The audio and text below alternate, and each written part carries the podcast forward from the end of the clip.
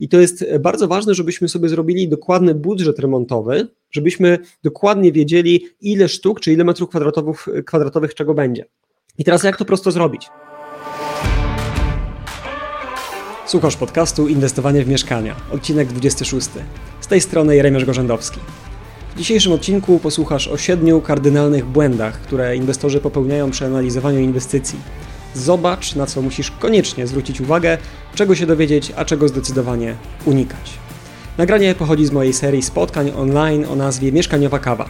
Jeśli masz ochotę być na takim spotkaniu, to wpadnij w październiku w czwartki o 10.30 na moje media społecznościowe.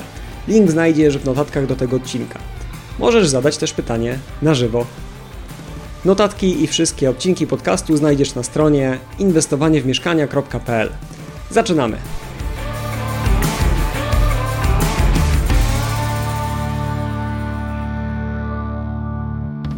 Cześć, witam Was bardzo. No i zobaczcie, jakie według mnie jest 7 kardynalnych błędów przy analizie inwestycji.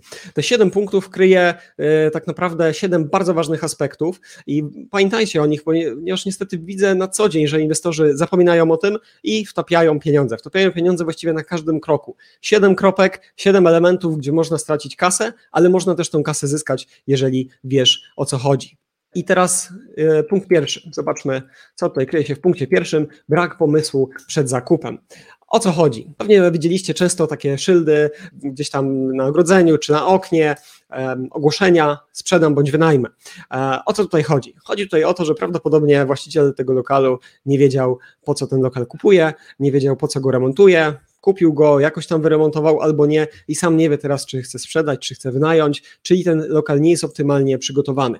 Oczywiście tutaj mała gwiazdka, może ten lokal został odziedziczony i w związku z tym właściciel nie wie, co zrobić, ale no to też brak pomysłu przed zakupem, czy przed um, puszczeniem nieruchomości na rynek, bo nawet jak ktoś otrzymał tą nieruchomość, to nieważne, bo i tak powinien ją jak najlepiej przygotować, czy do wynajmu, czy do e, właśnie e, sprzedaży, żeby jak najwięcej na tej nieruchomości zarobić. Więc brak pomysłu na start, brak strategii jest już bardzo dużym błędem, który przyczyni się do tego, że wiele stracimy, ponieważ odpowiednio remontując pod najemcę czy pod kupującego, bylibyśmy w stanie zyskać dużo, dużo więcej. Także pamiętajcie, czasami przychodzi nas pośrednik i mówi, to jest po prostu świetna nieruchomość. Ale do czego? No jest po prostu świetna, świetna lokalizacja, świetna cena, nie ma co się zastanawiać, potem będę się zastanawiał, co z taką nieruchomością zrobić, teraz trzeba po prostu tą nieruchomość kupić.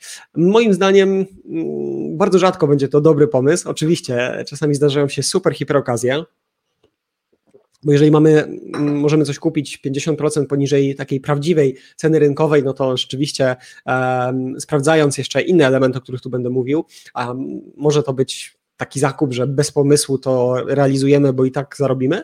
Natomiast na rynku takie rzeczy dzieją się bardzo rzadko. Więc ten pomysł jest bardzo istotny, ponieważ zupełnie inaczej będziemy oceniać mieszkanie, jeżeli kupujemy je na wynajem, a zupełnie inaczej, jeżeli będziemy kupowali je na flipa. Więc ten pomysł jest kluczowy, musimy wiedzieć, co to będzie, żeby móc zaplanować remont, żeby móc zaplanować budżety, żeby wiedzieć po prostu, a ile na tym mieszkaniu zrobimy i dla kogo to mieszkanie będzie, bo jeżeli tego nie zrobimy, no to na końcu zostajemy sobie z jakąś przestrzenią, na którą nie mamy pomysłu, pomysłu i będziemy w stanie jedynie wyrzucić na zewnątrz taki, taką właśnie płachtę z napisem sprzedam bądź wynajmę.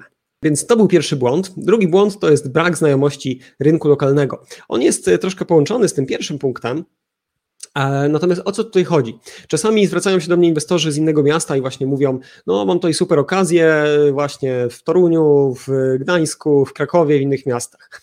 I powiem szczerze, że nie podchodzę do takich ofert zbyt y, optymistycznie, ponieważ zdaję sobie sprawę, że żeby dobrze kupić nieruchomość, trzeba jednak znać rynek. I teraz, no bazując na informacji od kogoś, od sprzedającego, od pośrednika, nie zawsze ta informacja będzie obiektywna, musimy wziąć to pod uwagę. Chodzi oczywiście o to, że, że ktoś celowo nas wprowadza w błąd, ale po prostu ma gdzieś tam swój filtr, swoją wizję świata i według niego jest to atrakcyjne, ale dla nas wcale nie musi być to atrakcyjne. E, my musimy jednak ten rynek znać, musimy wiedzieć po prostu, czy to miejsce, czy ten budynek, czy ten rejon, czy ten kwartał ulic jest dobry jeżeli tego nie będziemy wiedzieli, to nawet bardzo tania nieruchomość może okazać się potem fiaskiem. I mam taką historię jednej nieruchomości, która właśnie była kupiona przez inwestora bardzo tanio, naprawdę po prostu mega tanio, tak? To co prawda było kilka lat temu, ale jeżeli usłyszycie 2200 zł za metr kwadratowy, a mieszkanie z ogrzewaniem miejskim, no to pewnie powiecie, co to za cena w ogóle, tak? Czyli na pewno tam można bardzo dobrze zarobić. No i przewidywania co do zarobku były bardzo wysokie. E, rzeczywiście ponad 180 tysięcy można było na tym mieszkaniu zarobić. Natomiast co się okazało? Po wyremontowaniu na fajny standard klient nie przychodził, nie przychodził i nie przychodził trzeba było cenę obniżać, obniżać, obniżać, żeby w końcu to mieszkanie sprzedać. Co nie zagrało? Nawet e, nie tyle rynek na zasadzie dane miasto, tylko po prostu dana dzielnica, dany budynek.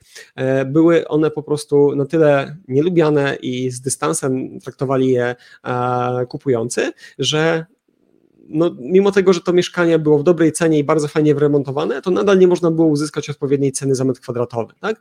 Więc tutaj lokalny rynek, możemy to sobie traktować jako rynek i e, danego danej dzielnicy, danego miasta, danego kwartału, tak? ale musimy dokładnie znać i czuć właśnie to konkretne miejsce, ten konkretny budynek, dopasować też tą swoją strategię z punktu pierwszego, tak? czy w tym budynku, czy w takiej klatce schodowej, czy w takim podwórku rzeczywiście ten nasz najemca będzie chciał mieszkać, albo ta osoba, która od nas chce kupić, będzie chciała rzeczywiście w takiej lokalizacji mieszkać. Bez tego no to kupujemy w ciemno i ryzykujemy, że a, może się uda, może się nie uda. Natomiast no chcemy to prawdopodobieństwo sukcesu zawsze zwiększać.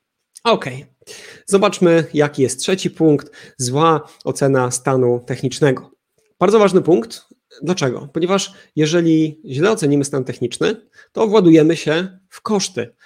Czasami w bardzo dużą ilość niepotrzebnych kosztów, nieprzewidzianych kosztów, które sprawią, że mówi się, na start powinniśmy kupić i już zarobić. No to niestety na start kupimy, tak, wydaje nam się, że już zarobiliśmy, ale potem dopiero sprawdzamy e, stan techniczny i okazuje się, jest w topa, tracimy e, kasę, bo trzeba dużo, dużo więcej zrobić. No i co tutaj najczęściej się zdarza, tak? Najczęściej ta zła ocena stanu technicznego polega na tym, że inwestorzy myślą sobie, że będzie można jakoś tam delikatnie zmienić układ mieszkania, albo w ogóle nie zastanawiają się, czy jakąś ścianę będzie można zrobić otwór drzwiowy w tej ścianie, albo ją przesunąć, tego stwierdzają, że po prostu będzie to możliwe.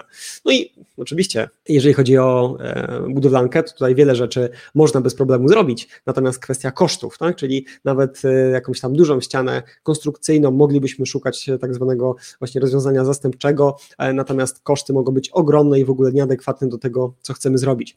Więc takim przykładem no to jest właśnie zmiana układu, czy chęć wybicia otworu żywiołowego w jakiejś ścianie. Tak? To źle ocenimy i potem jest wtopa. Kolejną rzeczą, którą źle oceniamy, to jest kwestia wentylacji, czyli chcemy, e, nie wiem, przenieść aneks, e, przenieść kuchnię do salonu, zrobić aneks kuchenny, czy zrobić jakiś podział na pokoje, czy na e, kawalerki i tutaj też oceniamy, wszystko będzie dobrze, na pewno da się zrobić. No niestety potem okazuje się, że wentylacja zupełnie jest do tego nieprzystosowana. Kolejnym elementem podłogi, zwłaszcza w kamienicach. Te podłogi możecie, e, chodząc po kamienicznych podłogach, zobaczyć, że gdzieś tam się uginają, coś jest e, niżej, coś jest wyżej. No i budowlaniec często powie, a położy się tam płytę OSB i, i wszystko będzie ok, będzie wyrównane. No z jednej strony tak, ale z drugiej strony też takie case'y niestety inwestorów znam, że okazało się, że to ugięcie było duże, że po prostu belki stropowe były do wymiany. I dobra wiadomość jest taka, że belki stropowe to część wspólna, czyli tutaj wspólnota powinna pokryć koszty, natomiast może się to bardzo rozciągnąć w czasie, a jak nam się bardzo rozciąga w czasie, no to niestety, ale e, płacimy za to też dużo więcej, więc musimy pamiętać o tym, żeby też odpowiednio ocenić stropy. E, kolejnym elementem to jest y, kwestia y, ogrzewania gazowego, tak? Więc część osób tutaj kupuje mieszkania, mówi sobie zrobię ogrzewanie gazowe, ale też nie sprawdzą, czy na pewno y, otrzymamy warunki techniczne, żeby mm, założyć licznik gazowy, czy tam w ogóle jest instalacja, tak? czy to będzie możliwe, co też z kominami, bo potrzebujemy jeszcze dodatkowy komin spalinowy na ogrzewanie gazowe, tak? więc to też jest kolejny element takiej złej oceny stanu technicznego. No i wreszcie ogólna ocena tynków, podłóg, takich już typowo remontowych rzeczy, które potem będziemy chcieli e, zrobić, tak? Czyli oceniamy na początku, że a ściany są w niezłym stanie, to ja się tylko pomaluję i będzie ok. Potem się okazuje przy malowaniu, że albo jakieś tapety były, albo tynk odchodzi, tak? I tych kosztów jest dużo, dużo więcej, więc też takie e, traktowanie e, tych kosztów typu tam się odmaluje, tu się wypucuje, a potem te koszty rosną, no niestety jest takim elementem, który e, no sprawia, sprawia, że, że jest potem problem. No to oczywiście o tej ocenie stanu technicznego e, bardzo, bardzo dużo mówimy w ramach szkoły remontowania dla inwestorów, więc kto nas ogląda, jest w szkole remontowania, to może potwierdzić, że, że tam jest pewnie 40-minutowa lekcja na ten temat, jak po kolei wszystko sprawdzać. Także jakbyście chcieli, to do szkoły remontowania e, zapraszam. E, natomiast no, te podstawowe rzeczy, o których tutaj mówiłem, to już jak zrobiliście sobie notatki, będziecie w stanie bardzo konkretnie skorzystać przy zakupie kolejnego mieszkania. Kolejny element, czyli niedoszacowanie kosztów remontu. Czyli teraz z jednej strony e, to niedoszacowanie może wynikać z tej złej oceny stanu technicznego, ale teraz jeszcze z czego wynika dalej niedoszacowanie? Czyli nawet jeżeli wszystko technicznie dobrze oceniliśmy, jeżeli e, rzeczywiście ściany są w takim stanie, e, jakim po prostu oceniliśmy, że są, tak, i tu jest wszystko ok, no to pamiętajmy, że e, przyjdzie nam kupować materiały wykończeniowe, płytki, panele, drzwi, kabiny prysznicowe, tak, konkretna ilość elementów, lista tych elementów jest tak naprawdę zamknięta, także możemy sobie wszystko wcześniej zdefiniować. I to jest bardzo ważne, żebyśmy sobie zrobili dokładny budżet remontowy, żebyśmy dokładnie wiedzieli, ile sztuk czy ile metrów kwadratowych, kwadratowych czego będzie. I teraz jak to prosto zrobić? Żeby e, oszacować sobie te koszty remontu, po pierwsze, rysujemy sobie rzut takiego mieszkania, zwymiarowany, z odpowiednią ilością otworów drzwiowych, z odpowiednimi właśnie przestrzeniami. Następnie e, w takim programie właśnie jak Kozi Kaza jesteś w stanie sobie bez problemu e, przeliczyć metry kwadratowe podłóg pod panele, podłóg pod płytki, ścian pod płytki, e, ilość drzwi, ich rozmiary, tak, czyli szerokości, czy to 80, czy gdzieś 90, w którą stronę otwierane, gdzie ile litrów, ile metrów kwadratowych farby będzie do pomalowania, tak? Więc dokładnie jesteś w stanie to spisać. Mało tego, robiąc taki rzut, od razu meblujesz sobie. Tutaj kuchnię, tutaj AGD, tutaj kanapa, tutaj stół, tutaj oświetlenie. I dzięki temu w takim budżecie remontowym, element po elemencie, spisujesz sobie e, po prostu, e, co tam ci jest potrzebne, i w związku z tym jesteś w stanie dokładnie policzyć te koszty remontu. Bo jeżeli ich nie doszacujesz, no to niestety, ale e, deal nie okaże się takim dealem, jaki miał być od początku. No o to nam chodzi, żeby robiąc odpowiednie e, remonty, żeby mm, przygotowując mieszkanie na wynajem, czy też na flipa, ono właśnie zarabiało tak, jak my sobie założyliśmy, a nie tak, że po prostu nie doszacowaliśmy czegoś, no i niestety, ale musimy potem dopłacać i ta rentowność wtedy nam spada. Kolejny element, czyli znowu zła ocena, ale tym razem stanu prawnego nieruchomości. Czyli e, nieruchomości są, słuchajcie, takim specyficznym elementem, jeżeli chodzi o kupowanie i sprzedawanie. To nie jest tak, jak e, kupię wiem, jakiś sprzęt, mebel, kanapę, tak, czy nawet samochód. Nieruchomości są bardziej skomplikowane. Truizm, ale nie zawsze sobie zdajemy sprawę przy zakupie. Bo nieraz widziałem też inwestora, który idzie z umową przedstępną, mówi: Dobra, kupuję, daję tutaj zadatek, umowa przedstępna podpisana, no i teraz dopiero się zastanawiamy, działamy dalej. Ale czy sprawdziłeś, czy rzeczywiście osoba, z którą się spotykasz, jest właścicielem mieszkania? Czy ona widnieje w księdze wieczystej? Czy w ogóle masz numer księgi wieczystej i tą księgę wieczystą sprawdziłeś? Ile w tej księdze wieczystej jest metrów kwadratowych tego mieszkania? Czy są jakieś pomieszczenia przynależne? E, czy tam jest y, mm, już wykupiony grunt, tak? czy tam nadal jest ta opłata przekształceniowa do zapłaty. A kto jest konkretnie właścicielem? A może właścicielem jest y, no, jakaś inna osoba ze starszym PESEL-em. Może nam sprzedający powiedział, że niestety już zmarła, ale czy mamy w takim razie akt zgonu, czy mamy akt poświadczenia, dziedziczenia, który e, pozwoli rzeczywiście poprowadzić tą transakcję do końca? A co z działem czwartym Księgi Wieczystej? Co z hipotekami? Tak? Czy tam nie ma e, jakichś hipotek? Tak? Czy w dziale trzecim nie jest pisany komornik? No tutaj wiele elementów jest naprawdę do sprawdzenia i powinniśmy bardzo dokładnie e, sprawdzić stan prawny takiego lokalu, takiego mieszkania, zanim ten lokal kupimy. Co dalej? E, warto iść do administratora, e, czy w ogóle no, poprosić właściciela, bo administracja nie zawsze będzie chciała z nami rozmawiać jako z osobą postronną, czy nie ma zaległości we wspólnocie, czy też spółdzielni, tak? No bo to też będzie miało wpływ na nasze rozliczenia ze sprzedającym, i chcielibyśmy po prostu wtedy, żeby część tej naszej ceny, jeżeli zadłużenie, poszło już do wspólnoty czy do spółdzielni, żeby, y, no żeby wyrównać te sprawy finansowe, jeżeli chodzi o wspólnotę czy też spółdzielnię, tak? Więc to jest ważne. E, jeżeli y, jest ta hipoteka już, no to ustalmy, co to jest za hipoteka. Czy ktoś kupował na kredyt to mieszkanie, no to niech przedstawi odpowiednie dokumenty, czyli dokument z banku o tym, ile tutaj pozostało do spłaty. E, potem do notariusza też będzie potrzebny dokument e, związany właśnie z taką promesą o zwolnienie tej hipoteki. Tak więc tu mamy no, konkretne rzeczy, które po prostu musimy sprawdzić. Jak tego nie zrobimy, to ryzykujemy, tak, to ryzykujemy. I niektórzy powiedzą, no dobrze, ale ja mam taką umowę przedstępną, w której jest tam napisane, że stan prawny nieruchomości jest perfekto i w związku z tym jestem chroniony. No dobra, ale pamiętaj, że jak kupujesz, to dodajesz kasę, tak? I teraz co z tego, że w umowie miałeś to zapisane? Jeżeli chcesz się ochronić przed y, tymi negatywnymi, negatywnymi skutkami działania niektórych sprzedających, no to taka osoba, wiesz, nie będzie się bała podpisać takiej umowy, jeżeli będzie miała rzeczywiście złe intencje. Ona przyjmie kasę, weźmie od ciebie 10 tysięcy złotych czy 20, podpisze taki dokument, no i cóż, teraz oczywiście, że y, będziesz mógł udowadniać, że, że ta umowa przedstępna była, no, były tam oświadczenia niezgodne z prawdą przez tego sprzedającego, tak? Natomiast y, pieniądze niestety będą zamrożone i nie wiadomo, czy będzie będzie można e, po prostu dalej odzyskać te pieniądze, tak? Co, co z tą osobą, która właśnie sprzedaje.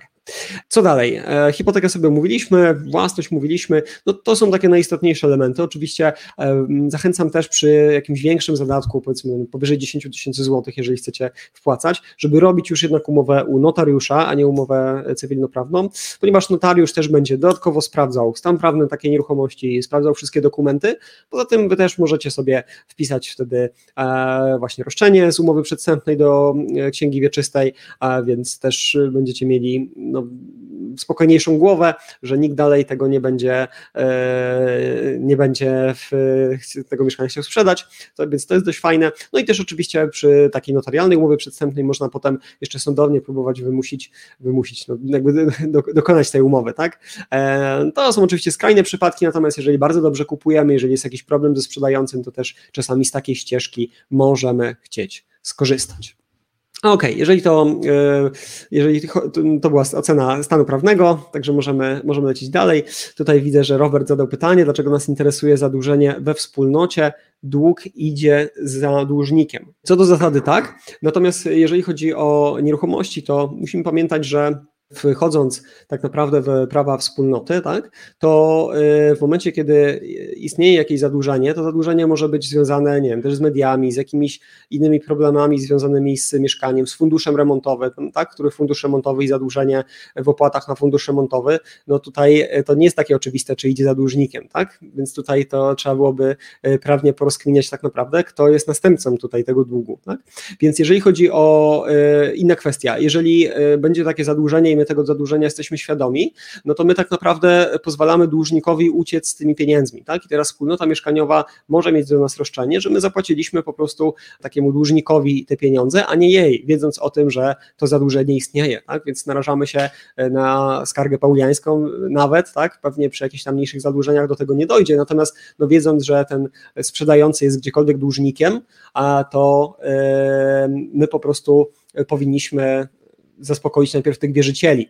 No i teraz powinniśmy zachować zawsze należytą staranność, a to jest naturalne, że do aktu notarialnego prosi się o zaświadczenie o braku zadłużenia we wspólnocie mieszkaniowej czy też spółdzielni mieszkaniowej, więc jeżeli my chcemy udać, że nie wiedzieliśmy o tym zadłużeniu i w ogóle o to poprosić, no to myślę, że to będzie oczywiste, że żeśmy tutaj po prostu nie dopełnili należytej staranności i trudno będzie e, udowadniać, że nie wiedzieliśmy o takim zadłużeniu, tak? No bo, bo to jest naturalne i notariusz też każdy na pewno zasugeruje, żeby takie E, zaświadczenie właśnie ze wspólnoty uzyskać. Także polecam zdecydowanie dla spokojnej głowy i żeby nie mieć potem problemów, żeby jednak jeżeli jest zadłużenie, no to po prostu umówić się tak ze sprzedającym, że część ceny pójdzie po prostu, jeżeli ten sprzedający nie ma kasy, żeby zapłacić oczywiście, to część ceny e, pójdzie od nas właśnie do wspólnoty tytułem zapłaty za część nieruchomości, a resztę dostaje ten sprzedający i wtedy taka sytuacja będzie najbardziej klarowna. Okay. i lecimy do e, kolejnego, piątego błędu, który się e, dość często pojawia. Ten błąd jest związany z pominięciem bieżących kosztów utrzymania i finansowania. I o co tutaj chodzi? Um, chodzi tutaj o inwestycje, które trwają dopóki nie e, można ich skonsumować, tak? Czyli jeżeli chodzi o flipa, no to ten czas, kiedy remontujemy mieszkanie, kiedy potem ogłaszamy to mieszkanie, a jeżeli chodzi o wynajem, no to też tak naprawdę to właśnie cały ten czas remontu aż do tego, kiedy ono jest w pełni wynajęte. I mamy wtedy jakieś koszty. I te koszty wydaje się, a ale co to mogą być za koszty niektórym. Ale jednak pamiętajmy, e, w obecnych czasach koszty administracyjne są już dość wysokie, czyli to może być kilkaset złotych, przy większym mieszkaniu może być i to 600-800 złotych, czy nawet do 1000, więc jeżeli mamy taki czteromiesięczny okres remontu, jeszcze szukania e, kupującego, no to już mamy dodatkowe na przykład 4000 tytułem dodatkowych opłat do, do administracji. Dalej, jeżeli e, finansujemy sobie to kredytem bankowym, no to jeżeli nie zadbaliśmy o karencję jakąś spłacie, mamy w tym czasie ratę do zapłacenia, tak? więc kolejne kilka tysięcy złotych. Oprócz tego może jakiś e, podatek e, od nieruchomości, oprócz tego będziemy musieli może jakieś, albo chcieli przynajmniej ubezpieczenie wykupić. Więc może się okazać nagle, że w takim 4, 5, 6 miesięcznym procesie inwestycyjnym mamy dodatkowe 10, 15, 20 tysięcy złotych kosztów. No i teraz powiedziałbym, a no ale jak inwestujemy w nieruchomości, co to dla nas, takie 10, 15, 20 tysięcy. Aczkolwiek często zdarza się, że y, mamy na przykład y, jakąś dużą promocję na szkolenie i ktoś mówi, że nie, nie kupi od nas szkolenia za 1200 zł, ponieważ właśnie kupił nieruchomość już w ogóle nie ma pieniędzy. Tak? Więc no jeżeli ktoś tak działa, że pod korek inwestuje i, i kupując mieszkanie nie ma nawet y, tysiąca czy dwóch tysięcy złotych na to, żeby się dalej rozwijać, no to też nie będzie miał tych 10 tysięcy, żeby utrzymać tą nieruchomość. Tak?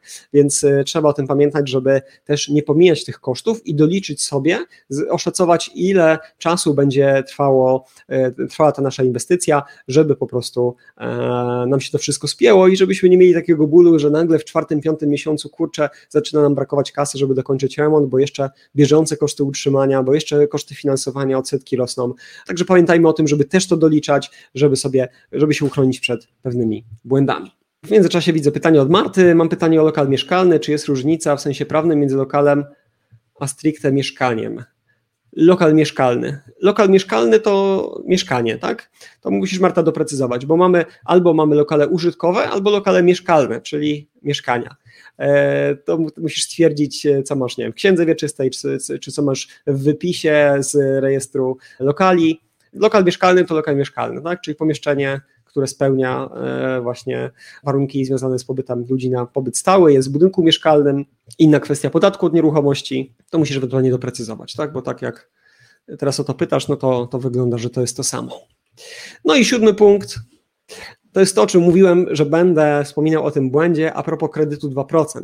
Czyli też często zdarza mi się rozmawiać z inwestorami, którzy szukają na szybko finansowania. Uwierzcie mi, to jest częściej niż wam się, niż wam się wydaje. Szukają finansowania, ponieważ podpisali umowę przedstępną, zapłacili kilkadziesiąt tysięcy złotych zadatku, bo byli przekonani albo doradca kredytowy im powiedział, że będzie dobrze, ale okazuje się, że nie mają zdolności kredytowej. Czyli siódmy, taki bardzo duży błąd, który można skosztować kilkadziesiąt tysięcy złotych zadatku, to jest brak weryfikacji zdolności kredytowej przed umową przedstępną. Bo w takiej sytuacji, jeżeli już podpiszemy właśnie taką umowę, no to pamiętajmy, że zazwyczaj umowa przedstępna ma zadatek. Zadatek, czyli jakaś płatność, która w momencie, kiedy nie podejdziemy do transakcji, nam przepada, w momencie, kiedy by się sprzedający wycofał, zgodnie z kodeksem cywilnym, o ile strony się tutaj inaczej nie umówią, to dwukrotność nam sprzedający zwraca. Oczywiście, że teraz czasami uda się wynegocjować taki zapis w umowie przedstępnej, że jeżeli e, nie dostaniemy kredytu i jakoś to tam udowodnimy, opisujemy sobie to w umowie przedstępnej jak, to sprzedający zgodzi się nam e, zwrócić ten zadatek w całości, no ale nie z każdym będzie można to wynegocjować, tak? Więc jeżeli tego nie wynegocjowaliśmy, no to po prostu tracimy ten zadatek. Więc pamiętajmy, żeby zweryfikować. I teraz jak to zweryfikować? Nie z pierwszym lepszym doradcą kredytowym, najlepiej nie w jednym tylko banku, e, jeżeli nawet mamy swój jakiś tam stały cały bank, żeby ok, możemy pójść się dopytać, ale warto gdzieś jeszcze, tak, żeby po prostu mieć pewność, że jeżeli kupujemy na kredyt, nie mamy innych alternatyw finansowych, że na pewno ten kredyt dostaniemy.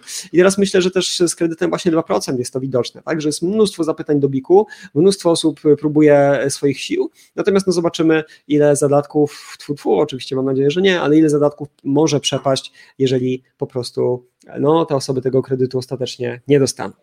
No i tak to właśnie wygląda. Pamiętajcie, te siedem błędów przy analizie mieszkania, przy rozpoczynaniu każdej inwestycji, naprawdę na każdym kroku z życia widzę, że ludzie na tym tracą, tak? Więc y, zapamiętując sobie to, robiąc notatki, unikniecie wielu, wielu błędów. Ja też chcę Was zaprosić do newslettera, gdzie ponad już 4000 inwestorów co tydzień przy kawce, takiej jak ja dzisiaj, czyta sobie ten newsletter. Są to mieszkaniowe newsy. E, żeby dostać się do tego newslettera, wejdźcie sobie na stronę zainwestowani.pl łamane przez quiz, zainwestowani.pl łamane przez quiz, tam wypełnicie quiz, który też pozwoli Wam określić, w którą stronę, jeżeli chodzi o inwestowanie idziecie, ale też będziecie mogli otrzymywać, tak jak mówię, ponad 4000 inwestorów, newsletter Mieszkaniowe Newsy. Także koniecznie, jeżeli jeszcze nie jesteście w mieszkaniowych newsach, dołączajcie. To jest bardzo, bardzo ważne. Będziecie mieli tam wiele, wiele newsów ze świata. A my cóż, będziemy się, mam nadzieję, widzieć co tydzień na czwartkowych, czwartkowej kawie mieszkaniowej.